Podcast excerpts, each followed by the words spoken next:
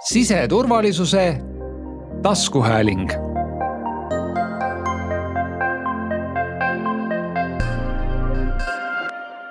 tere taas kuulamast siseturvalisuse taskuhäälingut. täna räägime kodanikuühiskonna võimalustest ja mõjusast ettevõtlusest.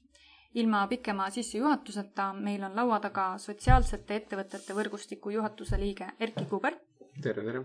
siseministeeriumi rahvastiku ja kodanikuühiskonna asekantsler Raivo Küüt tere. ja siseministeeriumi kodanikuühiskonna nõunik Minno Harju. tere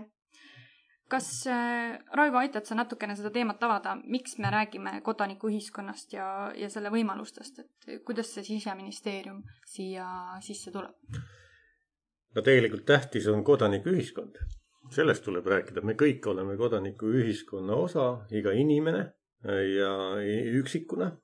aga nagu me teame, siis, siis noh, üksikuna tegutsedes ei jõua võib-olla nii kaugele, kui tahaks või nii kõrgele, kui, kui tahaks, siis on ikkagi koos tegutsemine on, on nagu oluline. ja see tegelikult selline demokraatlik äh, ühiskond ja selle toimeviisid, me nimetame seda siis kodanikuühiskonnaks, see on hästi oluline asi, see on meie, meie demokraatia, meie vabaduse, iseseisvuse nurgakivi.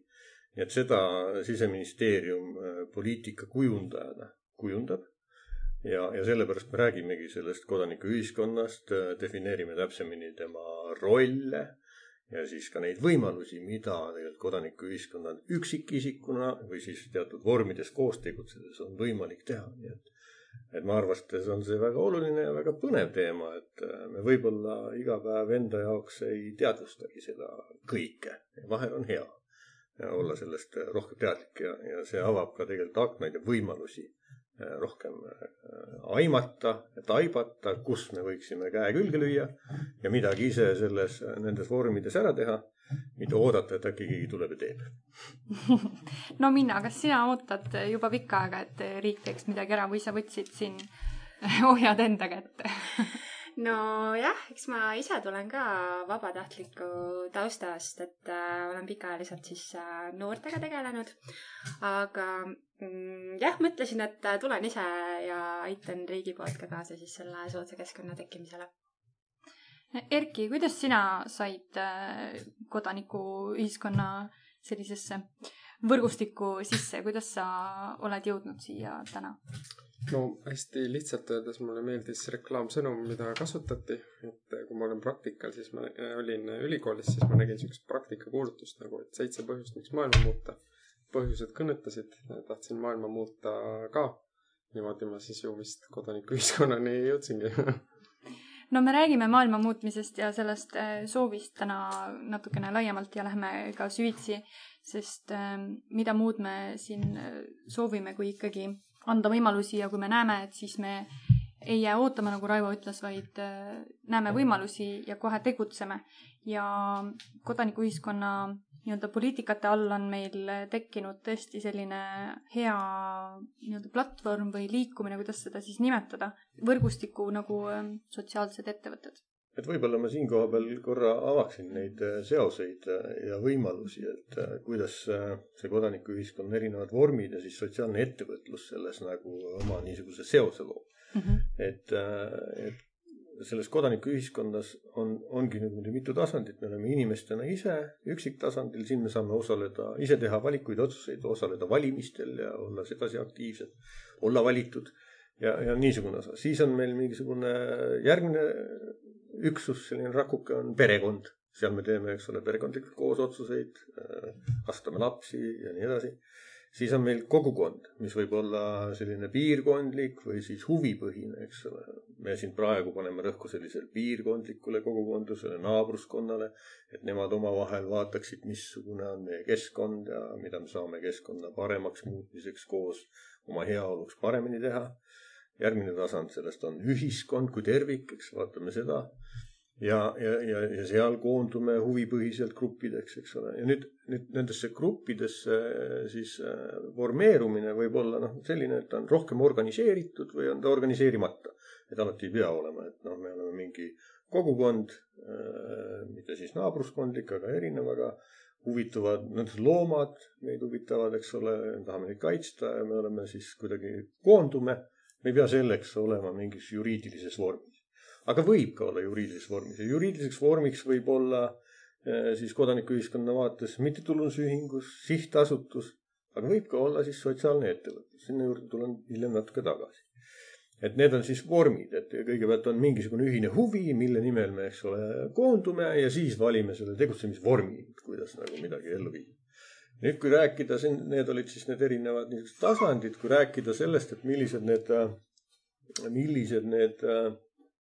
rollid on, mida siis niimoodi inimesed niimoodi äh, kodanikuühiskonna liikmetena me võtame sagedasti. noh, neid on palju erinevaid, aga, aga kolm niisugust põhilist ma grupeeriks niimoodi üks on selline eestkõneleja roll. et see on niisugune nagu huvikaitseline või noh, huvi tekib, ütleme, ma oma naabruskonnas inimestega näeme, et, et midagi on viltu, eks ole. noh, ma ei tea, lund ei roogita teedelt ära või, või, või, või looduse keskkonnas on midagi halvasti või üldse meil on ja siis me võtame selle teemaks, tõstame häält sellel nimel, koondume ja seisame selle eest, avaldame seda mõtet ja keegi siis äh, noh, kes on kohustatud toimetama, on ju, mõni riigiasutus või omavalitsus hakkab selle peale midagi tegema, teeb korda ja me olemegi nagu saavutanud mingisuguse eesmärgi. me ei pidanudki selleks on ju juriidilist keha moodustama, lihtsalt saime oma, oma hääle teatavaks tehtud ja, ja probleem äh, näiteks lahendati ära. Äh, aga, aga see on niisugune siis eestkõneleja roll või huvikaitse roll, seda võib-olla teatakse kõige rohkem. siis on sidususe looja roll ehk seesama, et kui me niimoodi koondume ja oleme ja koos käime, siis me ka omavahel loome sidusust. ja see sidusus ühiskonnas on äh, tegelikult sellise nii iseseisvuse kui turvalisuse nurgakivi, et noh, et tegelikult mida, mida umbisikulisemad inimesed on, seda, seda vähem turvalisust, et võõrast ma alati julgen kahelda või karta midagi. ehk siis kõik need sidususe elemendid, mis tekivad sellisest ühisest huvist, ühisest toimetamisest koos on, on meie ühiskonnale väga kasulikud. see on nii oluline roll, me tähtsust, me vahel ei tähtsustagi seda ja ütleme, et oh, las olla, aga, aga see on nii vajalik. ja see on jälle oluline nii riigi teenuste pakkujatele kui omavalitsuspakkujatele, et, et tegelikult see liim on selle, selles kodanikuühiskonnas olemas ja tuleb, tuleb võimaldada ka sellist kokkusaamist ja, ja koos toimetamist. ja kolmas väga oluline roll, äh, kus nüüd ka tuleb just sotsiaalne ettevõtlus kui, kui selline vorm nagu tugevalt sisse, on innovaator et kodanikuühiskond kui innovaator, kes oma sellise paindliku,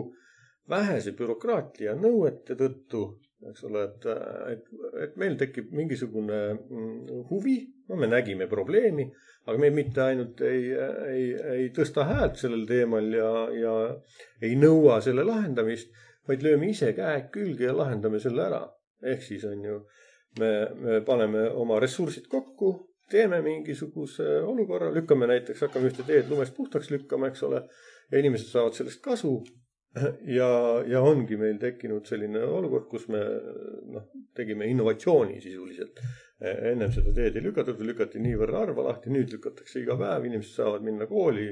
ma ei tea, poodi, mis iganes ja hiljem võib-olla siis, kui meie RAM hakkab jaksa, läbi saama meie ressursid, me ise paneme ju seda sinna, keegi ei andnud meile selleks raha siis äh, on küsimus, kas, kas see võetakse teenusena sellisena üle, näiteks kellegi poolt, kellel on jällegi selline kohustus pakkuda, või me peame seda nagu ise jätkusuutlikult siis üleval pidama, et noh, kui see on natuke rohkem, kui üldine standard ette näeb. nii et, et seal nagu on see innovaatori pool, aga noh, innovatsioon on ju palju keerulisem ja palju võimsam teema, ehk siis et sotsiaalne ettevõtlus on nagu selle innovaatori rolli kandjatest üks vormidest, kuidas siis sotsiaalne ettevõtlus seda innovatsiooni ühiskonnas kannab ja ta võtab endale missiooni, mis iganes on see siis missioon, see võib olla hästi globaalne. keegi noh, mõtleb praegu viimasel ajal, me räägime palju roheasjadest, roheenergiat, värgist. et päästame maailma nagu selle läbi selle rohe ja, ja see on missioon. ja ka siis äh, paneb käima mingisuguse ettevõtte, toodab mingisuguseid asju sellest, äh, mis, mis äriettevõte, tavaline äriettevõte paneb selle kasumiks, mis ta toodab ja, ja, ja soetab endale vajalikke asju, meelepäraseid asju, siis sotsiaalne ettevõte selle tulu paneb sellesse missiooni. et meil see, mis ta missiooniks võttis, näiteks roheasjad, et need siis tegelikult juhtuksid. et see on nagu selline siis äh, sidu, nagu tekib see seos selle, eks ole, kodanikuühiskonna nende rollide, nende võimaluste ja sotsiaalse ettevõtluse vahel ja selle tõttu meie siseministeeriumis, kuna me seda kodanikuühiskonna toestame igatpidi, siis tahame ka seda keskkonda luua, et see sotsiaalne ettevõtlus kui innovatsiooni roll kodanikuühiskonnas saaks kasvada. nüüd sotsiaalne ettevõtlus iseenesest võib olla ka kahetüübiline, eks ole, võib olla vormilt siis MTÜ, aga ta võib olla ka siis äriettevõte, nii et, et aga igal juhul on see oluline, et ta siis seda missiooni nimelt täidab mis see sotsiaalne ettevõtlus äh, nagu lihtlabaselt öelduna on, et sa ütlesid, et see võib olla nii osaühing, sihtasutus, aga võib ka olla MTÜ, et, et sa võid teenida sellega raha, ei pea, eks ole. kuidas ma siis äh, saan selleks äh, sotsiaalseks ettevõtjaks või, või miks ma ei või olla lihtsalt ettevõtja, et miks ma pean olema sotsiaalne ettevõtja? noh, eks sa võid, sa ei peagi, et see minu meelest, inimesed on erinevad, aga kui hästi lihtsalt kahe lausega vast öelda, siis sotsiaalne ettevõte või jätkusuutlik ettevõte on see, et mis lahendab mingit ühiskonnakeskkonna probleemi, näiteks et me tarbime liiga palju kiirmoodi või riideid üle tarbime äh, ärimudeli abil. ehk siis uuskasutuskeskus, Eestis kõige tuntum ja lihtsam näide. inimesed annetavad oma riided ära, nemad müüvad, ettevõte toimib probleem laheneb, et on meil liiga palju asju, neid nii-öelda väheneb, siis läheb teisele ringile. samal ajal nad majandavad ennast sellest rahast, mis nad saavad nende müügist ehk siis nemad võivad ennast nimetada mingisuguse probleemi lahendavaks äh, ettevõtteks? Ehm, jah, noh, selles mõttes kõik ettevõtted lahendavad mingeid probleeme, noh, sotsiaalsed ettevõtted ja tavaettevõtted, mis suuresti eristab, on siis see, et sotsettevõtted lahendavad mingeid STG probleeme, noh, et äh, kui me võtame ka Eesti Raudtee, noh, ta lahendab, näed, seda, et me saaksime, ütleme, ma ei tea, kaupa ühest kohast teise vedada või noh, et muidu oleks liiga aeglane või liiga kallis, on ju, et lahendavad ka seda probleemi, aga noh, STG probleem on see, mis selle sotsiaalse ettevõtluse keskmes on. kuulajale selgitame lahti, mis see STG meil tähendab ka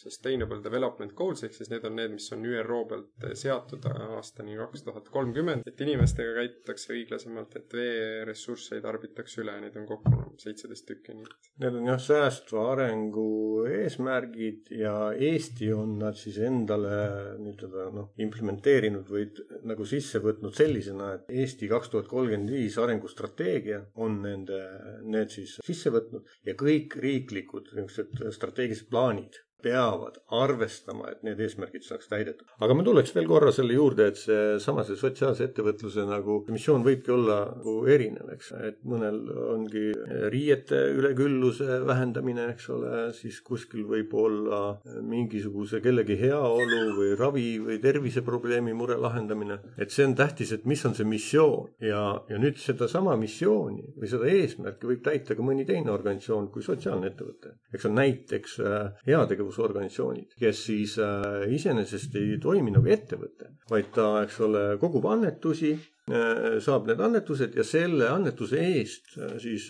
teeb nagu mingit asja. või ka näiteks noh, riigiteenuste pakkujad, riik ka teeb hanke korras näiteks mingisuguseid hankeid, keegi tuleb, tal on see missioon nagunii olemas ja ta selle riigi poolt antud raha eest täidab nagu neid eesmärke, et need, need nagu pigem on sellise heategevusorganisatsiooni skaalal, eks ole, kui me vaatame seda skaalat. Ja siis noh, äriettevõtted on muidu kasumi peal väljas, aga nad võivad olla ka sotsiaalselt vastutustundlikud. et näiteks teenis kasumit, noh, mingisuguse asja, mida ta toodab, millel on võib-olla rohe mõttes, no praegu rohe on lihtsalt hästi aktuaalne, sellepärast on hea lihtne näiteid tuua. rohe mõttes ei ole nii roheline aga näiteks sellest kasumist ta loob mingit lisaväärtust. ka see on nagu samm nagu edasi, see on siis seal teises skaalas, aga et just nimelt, et öelda, et vot ma olen sotsiaalne ettevõte, et tal on see missioon ja selle missiooni elluviimiseks ta ise nagu teeb nagu äriettevõte mingit tööd ja selle kasumi ta siis paneb sellesse missiooni, et see on nagu siis selline puhas eristumine võib-olla aga noh, võib-olla päriselus äh, ei olegi see alati nii äh, mustvalge. kas ma saan õigesti aru, et keegi siis ikkagi tuleb ja jälgib, et see kasu, mis ma omale teenin, et kas ma siis panen selle näiteks äh, oma, ma ei tea, suitsukonide korjamise aktsiooni sisse või, või noh, kui mul on mingisugune väike oma mõte, mida ma tahan äh, teha, on ju, et äh, kas keegi jälgib seda, on see mingisugused äh, registrid või, või ma lihtsalt ütlen, et minu toode on ökonoomia, ma tahan olla nüüd roheline, saan omale selle märgikese külge või, või kuidas see protsess nagu välja näeb? No hetkel oleme sealmaal, et keegi seda nagu jälgimas ei ole, et on rohkem ikkagist jah, su enda mõtestamise küsimus, et meil ei ole Eestis siis seda nagu definitsiooni ja ta on üldse Euroopas on ka need definitsioonid erinevad, et mõnes kohas ongi täpselt, et kogu äh, su siis tulu peab tagasi minema selle probleemi lahendamisse. mõnes kohas see peab enam kui pool tagasi minema, et need süsteemid on nagu hästi erinevad. Ehm, ja seda tegelikult võiks öelda, et me siis sotsiaalsete ettevõtete võrgustikus teeme ka, et see asi saaks tegelikult selgemaks. Et inimestel tekiks arusaam, et esimene samm on see, et inimesed teavad, et niisugune asi on olemas, siis järgmine samm on nii-öelda see, et hakatakse aru saama, et no mis ta siis on ka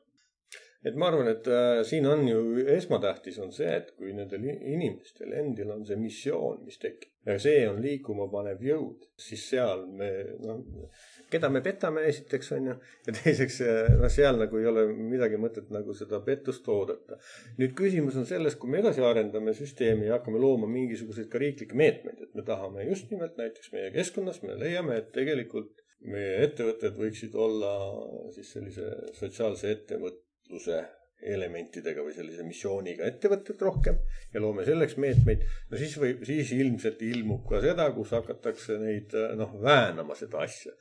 täna me ikkagi räägime nendest, kes on võtnudki asja missioonina, teevad ja me tahame just seda head praktikat täna rohkem levitada ja näidata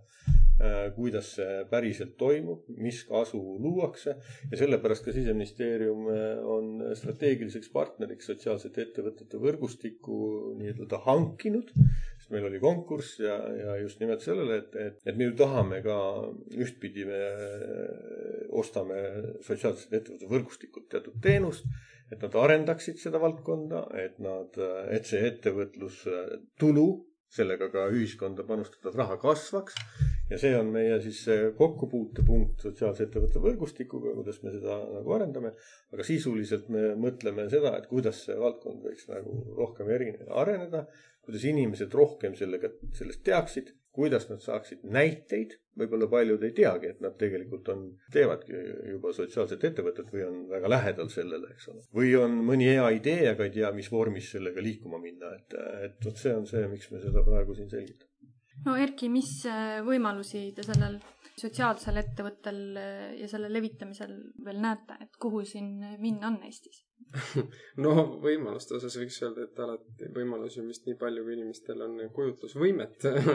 praegusel hetkel kõige lihtsam võimalus on see, et me teeme tegelikult Baltikumi suurimat äh, mõjufestivali ka siis Impact Day, kus tegelikult tuleb kokku kaheksakümmend erinevat inimest äh, laval, kes ainuüksi räägib sellest, et kuidas olla selles parem ja mis sa üldse saad teha, et sellega alustada. noh, ja samal ajal tuleb nelikümmend sellist ettevõtet ka tema alale nii-öelda ennast näitama ja noh samasugused hulgad või suuremad jäävad ka nii-öelda ukse taha, aga et noh, lõppkokkuvõttes nii nagu ettevõtluses või sotsiaalses ettevõtluses või vabatahtlikus tegevuses sa saad seda igat moodi teha, et Greta Thunberg, näed, ka otsustas, et kliimaga on jamad olukorrad, siis ta lihtsalt hakkas Rootsis või Stockholmis valitsuse ukse ees nagu istuma, et noh, et tegelikult sa saad sotsiaalset ettevõtlust ka nii alustada, et tõenäoliselt sa natukene istud, noh siis sa mõtled välja sellist võib-olla nii-öelda, kuidas sa selle ettevõtluseks keerad ka, et ma ütleks, et loovus on piiritu just, et kui ennem ka rääkisime nendest vormidest, et eestkõneleja, sidususe looja, innovaator, siis tegelikult need paljud käivad sümbioosis, et siin nagu ei tasu selle järgi nagu noh, liigitusega ennast nagu segadusse ajada, aga tähti, jällegi samas on hea teada, et, et millises rollides üldse on võimalik nagu olla ja, ja, ja toimetada. No mis rollis me neid inimesi kõige rohkem kaasata tahaksime, et kas me tahame, et meil oleks hästi palju neid eestkõnelejaid või oleks just neid ärategijaid no ikka innovaatorid, et, et tegelikult me täna otsime seda innovaatorit ja tegelikult ju no ütleme niimoodi, et ega siis inimesed ju erinevas vanuses, noh, ütleme nii. Need, kes on äh, jõudnud sinna keskikka ja sinna kuskile võib-olla vaevlevad keskea kriisis ja mõtlevad, et mida teha siis, äh, et noh, et oma ütleme heaolu ja ühiskonda panust anda, siis tegelikult suund täna sellisest äh, tugevast äriettevõttest ja keerata see fookusega sotsiaalse ettevõtluse suunda, see on suurepärane võimalus seda enda kogutud kogemust, oma teadmist, oma asju ühiskonna hüvangusse niimoodi panna. muidugi on alati võimalik annetada lihtsalt eh, kuhugi asju, aga on ka võimalik, eks ole, võtta missioon ja missiooni hakata selle ja sinna ehit- ja sinna niisuguseid ettevõtteid eh, hakata ehitama juurde et see on nendele, noored nagunii juba täna vaatavad, äh, meie ühiskonna noored, Euroopa ühiskonna noored vaatavad selle pilguga, siis nemad tajuvad uudiseid kogu aeg vaadates, tajuvad seda, et maailm saab kohe otsa. sest kui me kuulame noh, eelarve läbirääkimisi, siis me saame aru, et riik enam varsti toimida ei saa, sest kellelgi ei ole raha. Äh, maailmas räägitakse, et äh, kõik noh, rohe peab tulema, sest muidu enam ei kesta siis loomulikult noortel juba see mõtteviis ongi see, et peab säästlik olema, ehk siis nendele täna tuleb näidata, kuidas need võimalused on päriselt siis minna ja realiseerida eh, sellist mõtteviisi tervikuna, nii et eh, ühiskonna erinevatel kihtidel on siit eh, võtta ja, ja kasutada, et, et see ei ole nagu mingi niši ja noorte teema, vaid see on nagu meie kõigi teema. ma just tahtsin küsida, et kas võib öelda, et see on nagu tugevalt ikkagi tulnud sellest, et uus põlvkond mõtleb juba selles äh, Äh, mõtteviisis, et äh, miski ei kesta igavesti ja, ja kui sul on äh, probleem, siis sa leiad sellele lahenduse ja, ja ise on võimalik neid asju teha, on ju, et et kas meie noored on nagu see hea pinnas, millega edasi minna või, või minna, kas sa oled märganud näiteks mingeid põlvkondade erinevusi ja võimalusi siin? jaa, absoluutselt, et tegelikult me Siseministeeriumis ju korraldame juba kas vist neljandat aastat järjest sellel aastal noortele suunatud konkurssi, mis siis äh, keskendubki sellele, et anname noortele sellise võimaluse ise otsustada, et mis on see probleem ühiskonnas, mida nad näevad, mis on see probleem või väljakutse nende enda kogukonnas ja siis aasta vältel koos mentorlusega Äh, koos erinevate valdkondade ekspertidega siis äh, sellele probleemile sellise projekti äh, projekti raames lahendus leida. et kui me nüüd vaatame eelmiste aastate ähm, selliseid edukamaid töid, et siis sealt käivadki tegelikult need tänapäeva suured, suured kriisid ja küsimused läbi, et nagu meil on keskkond ja vaimne tervis ja, ja füüsiline tervis ja taaskasutus kindlasti on on äh, suur, ähm, suur teema noorte silmis, et äh, absoluutselt, et noored, äh, noored tahavad, et nende häält kuuldaks ja, ja nad tahavad, tahavad ise oma kätega midagi ette võtta no need teemad võiks olla kõik sellised, mida mina kujutan ette, võiksid minna sotsiaalse ettevõtluse alla, eks ole. kuidas ma saan aru, mis mõju minu tegevus omab või kuidas ma saan hinnata, kas minu ettevõtlus või tegemine on siis sotsiaalne või mitte? ma arvan, kõige lihtsam on, et lähed sev.ee, natukene scroll'id lehel, täidad ühe kolmeminutilise testi ja sa saad teada. väga hea väga hea, siis on asi selge ega võib-olla ju ongi keeruline neid niisuguseid äh, seoseid luua, et kas ma kasutan, on ju, roheenergiat või ma kasutan fossiilseid kütuseid ja mis need üldse ja kuidas, et, et eks see ongi võib-olla selles mõttes keeruline, aga, aga noh, seda mõtteharjutust tasub teha ja, ja noh, võib-olla ikkagi mõelda see, et mis ma selle, noh, ma teenin seda tulu, et mis ma sellega nagu teen, eks ole, et kas ma mõtlen ainult niimoodi, et peaasi, et mul oleks hea olla üksinda ja on ju võimalikult rikas ja, ja edukas või ma mõtlen, et Äh, kas selle minu tegevus nagu ka ühiskonnale, teistele, kes siis ümbritsev keskkond on, on ka, eks ole, noh, vastuvõetav ja, ja see, et kuskil seal see piir ju jookseb, eks, et, et see on hästi oluline mõttekoht ehk siis minu tegevusel võiks olla mingisugune laiem kasu kui ainult äh, see raha, mis ma näiteks äh, ostu-müügiga oma toodet. ma olen nagu õiguskaitseasutuses olnud pikalt töötanud, on ju, sellise taustaga, ma ütlen nõnda, et, et see turvalisuse loomisel noh, mis on võib-olla lihtsam nagu saab paralleeli tuua, on kõige tähtsam ju mis asi? oma käitumisega mitte põhjustada teistele, eks ole, raskeid tagajärgi. mitte see, et me paneme politseinikke rohkem välja, kes siis sunnib mind neid raskeid tagajärgi mitte tekitama vaid see, et ma ise käitun nii. ja see on samamoodi selles, et noh, et kõige minimaalsem on see, et ma ei tekita veel hullemat olukorda, kui meil on.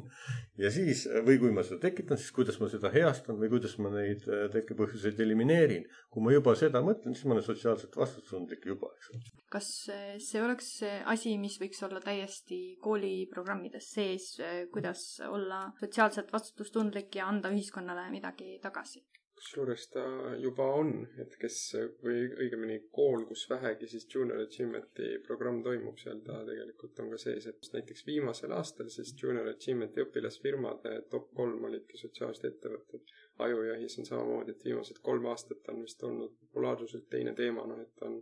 mõttes ta on ühiskonnas, ongi minu vanuste või nii-öelda noorte seas ta on täiesti nagu tavaline juba asi ja koolides on samamoodi. ma, ma usun ka, et see osa kindlasti, mis siit nüüd noh, tuleb see, et seal on ju palju niisuguseid, ütleme, kooliväliseid ja, ja erinevaid programme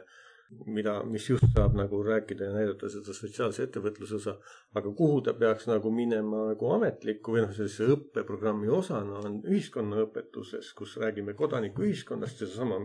mida me siin katsusime avada, et mis rollid on ja kuidas see hinna.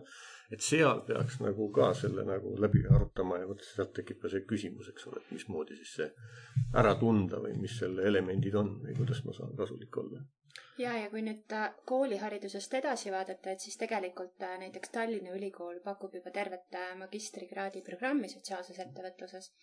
ja nii palju, kui ma tean, siis näiteks TalTechis ja Tartu Ülikoolis on võimalik siis sotsiaalset ettevõtet kui eraldi ainet võtta siis muu, muude, muude programmide sees. väga põnev igatahes teema levib, ma loodan, et me saame siin omalt poolt palju juurde anda ja ma tean, et ka Impact Daily, mida Erki äh, siin juba mainis, on äh, seesama täispikk programm, äh, väga palju erinevaid rääkijaid. oskad sa tuua mõned suuremad näited Eestis, kes juba on selle sotsiaalse ettevõtlusega jõudnud kaugele, alustanud võib-olla ka oma pisikesest mõttest ja täna ütleme, on võib-olla, et poolel Eestile teada-tuntud? No selles mõttes uuskasutuskeskus kindlasti on, kui Eesti sarnane näide tuua, siis Eesti mastaabis üks, kes alustas siis, kui keegi sellest midagi ei teadnud, on kindlasti Sõbrad sõbrale, et nad on Eestis ja Leedus tegutsevad, kakskümmend aastat on teinud, nii et noh, ajasid sotsiaalset ettevõtlust juba siis, kui keegi ei teadnud, et sihuke asi olemaski võib-olla on. Ja, ja no võib-olla kui mõni investor kuulab ka, siis üks siukseid tuntumaid investorite kogunes on arvatavasti Voola, kes siis lambapillast teevad mingeid tooteid. pakendid või ümbrikud. jah, just, just, just, jah, seda nad, nad tegid. no väga põnev. Raivo, ma tean, et sina lähed ka Impact Dail lavale. millest, millest sa seal räägid? Jaa, et kõigepealt mul väga hea meel, et seda organiseeritakse, selline üritus ja kutsun siin kohapeal kindlalt üles mitte ainult neid, kes juba sotsiaalse ettevõtlusega tegelevad, vaid et, et neid ka, kellel nagu see tundub mingisugune võõras asi, et tulla kohale ja saada aru, et mis see on. see on väga väärt üritus ja meie ka jah, astume üles, arutlemegi selle küsimuse üle, et mis see sotsiaalne ettevõtlus on, et miks ta ikkagi on see kasulik, et erinevad ühiskonnagrupid, ma siin nimetasin nii keskealisi kui, kui nooremaid, et, et mis võiks olla see, mis neid kõnetab. ja teiseks arutada selle üle, et mis siis selles võib-olla pigem selles õiguslikus keskkonnas on sellist, mida, mida tuleks võib-olla kohendada või teha, et, et need, kellel niisugused missioonid meie kõigi hüvanguks on olemas, et need tegelikult realiseeruks, et, et see on nagu see, millele tahame keskenduda ja millega me tegelikult ka igapäevaselt tegeleme. kas sotsiaalsetele ettevõtetele on ka mingisuguseid maksusoodustusi olemas? Et keskkonnaliselt äh, noh, ega polegi, et siin need, kuna see sotsiaalne ettevõtlus võib olla kahes vormis, kas mittetulundusühingu juriidilises vormis või äriühingu juriidilises vormis, siis neile kehtivad täpselt kõik needsamad reeglid, et äh, noh, äriettevõttesse saab keegi investeerida, teha investeeringute põhjal siis mingeid asju, värke, siis MTÜ-del on see annetamise võib-olla võimalus juures. et seal on mingisuguseid erielemente äh, ja, ja siin tegelikult tuleks, see on ka selline asi, mida ilmselt on vaja tulevikus vaadata, et kuidas võib-olla ka ühest vormist teise üleminek on nagu võimalik, kui sa oled alustanud kuidagi, võib-olla alustasid, eks ole, heategevusorganisatsioonina,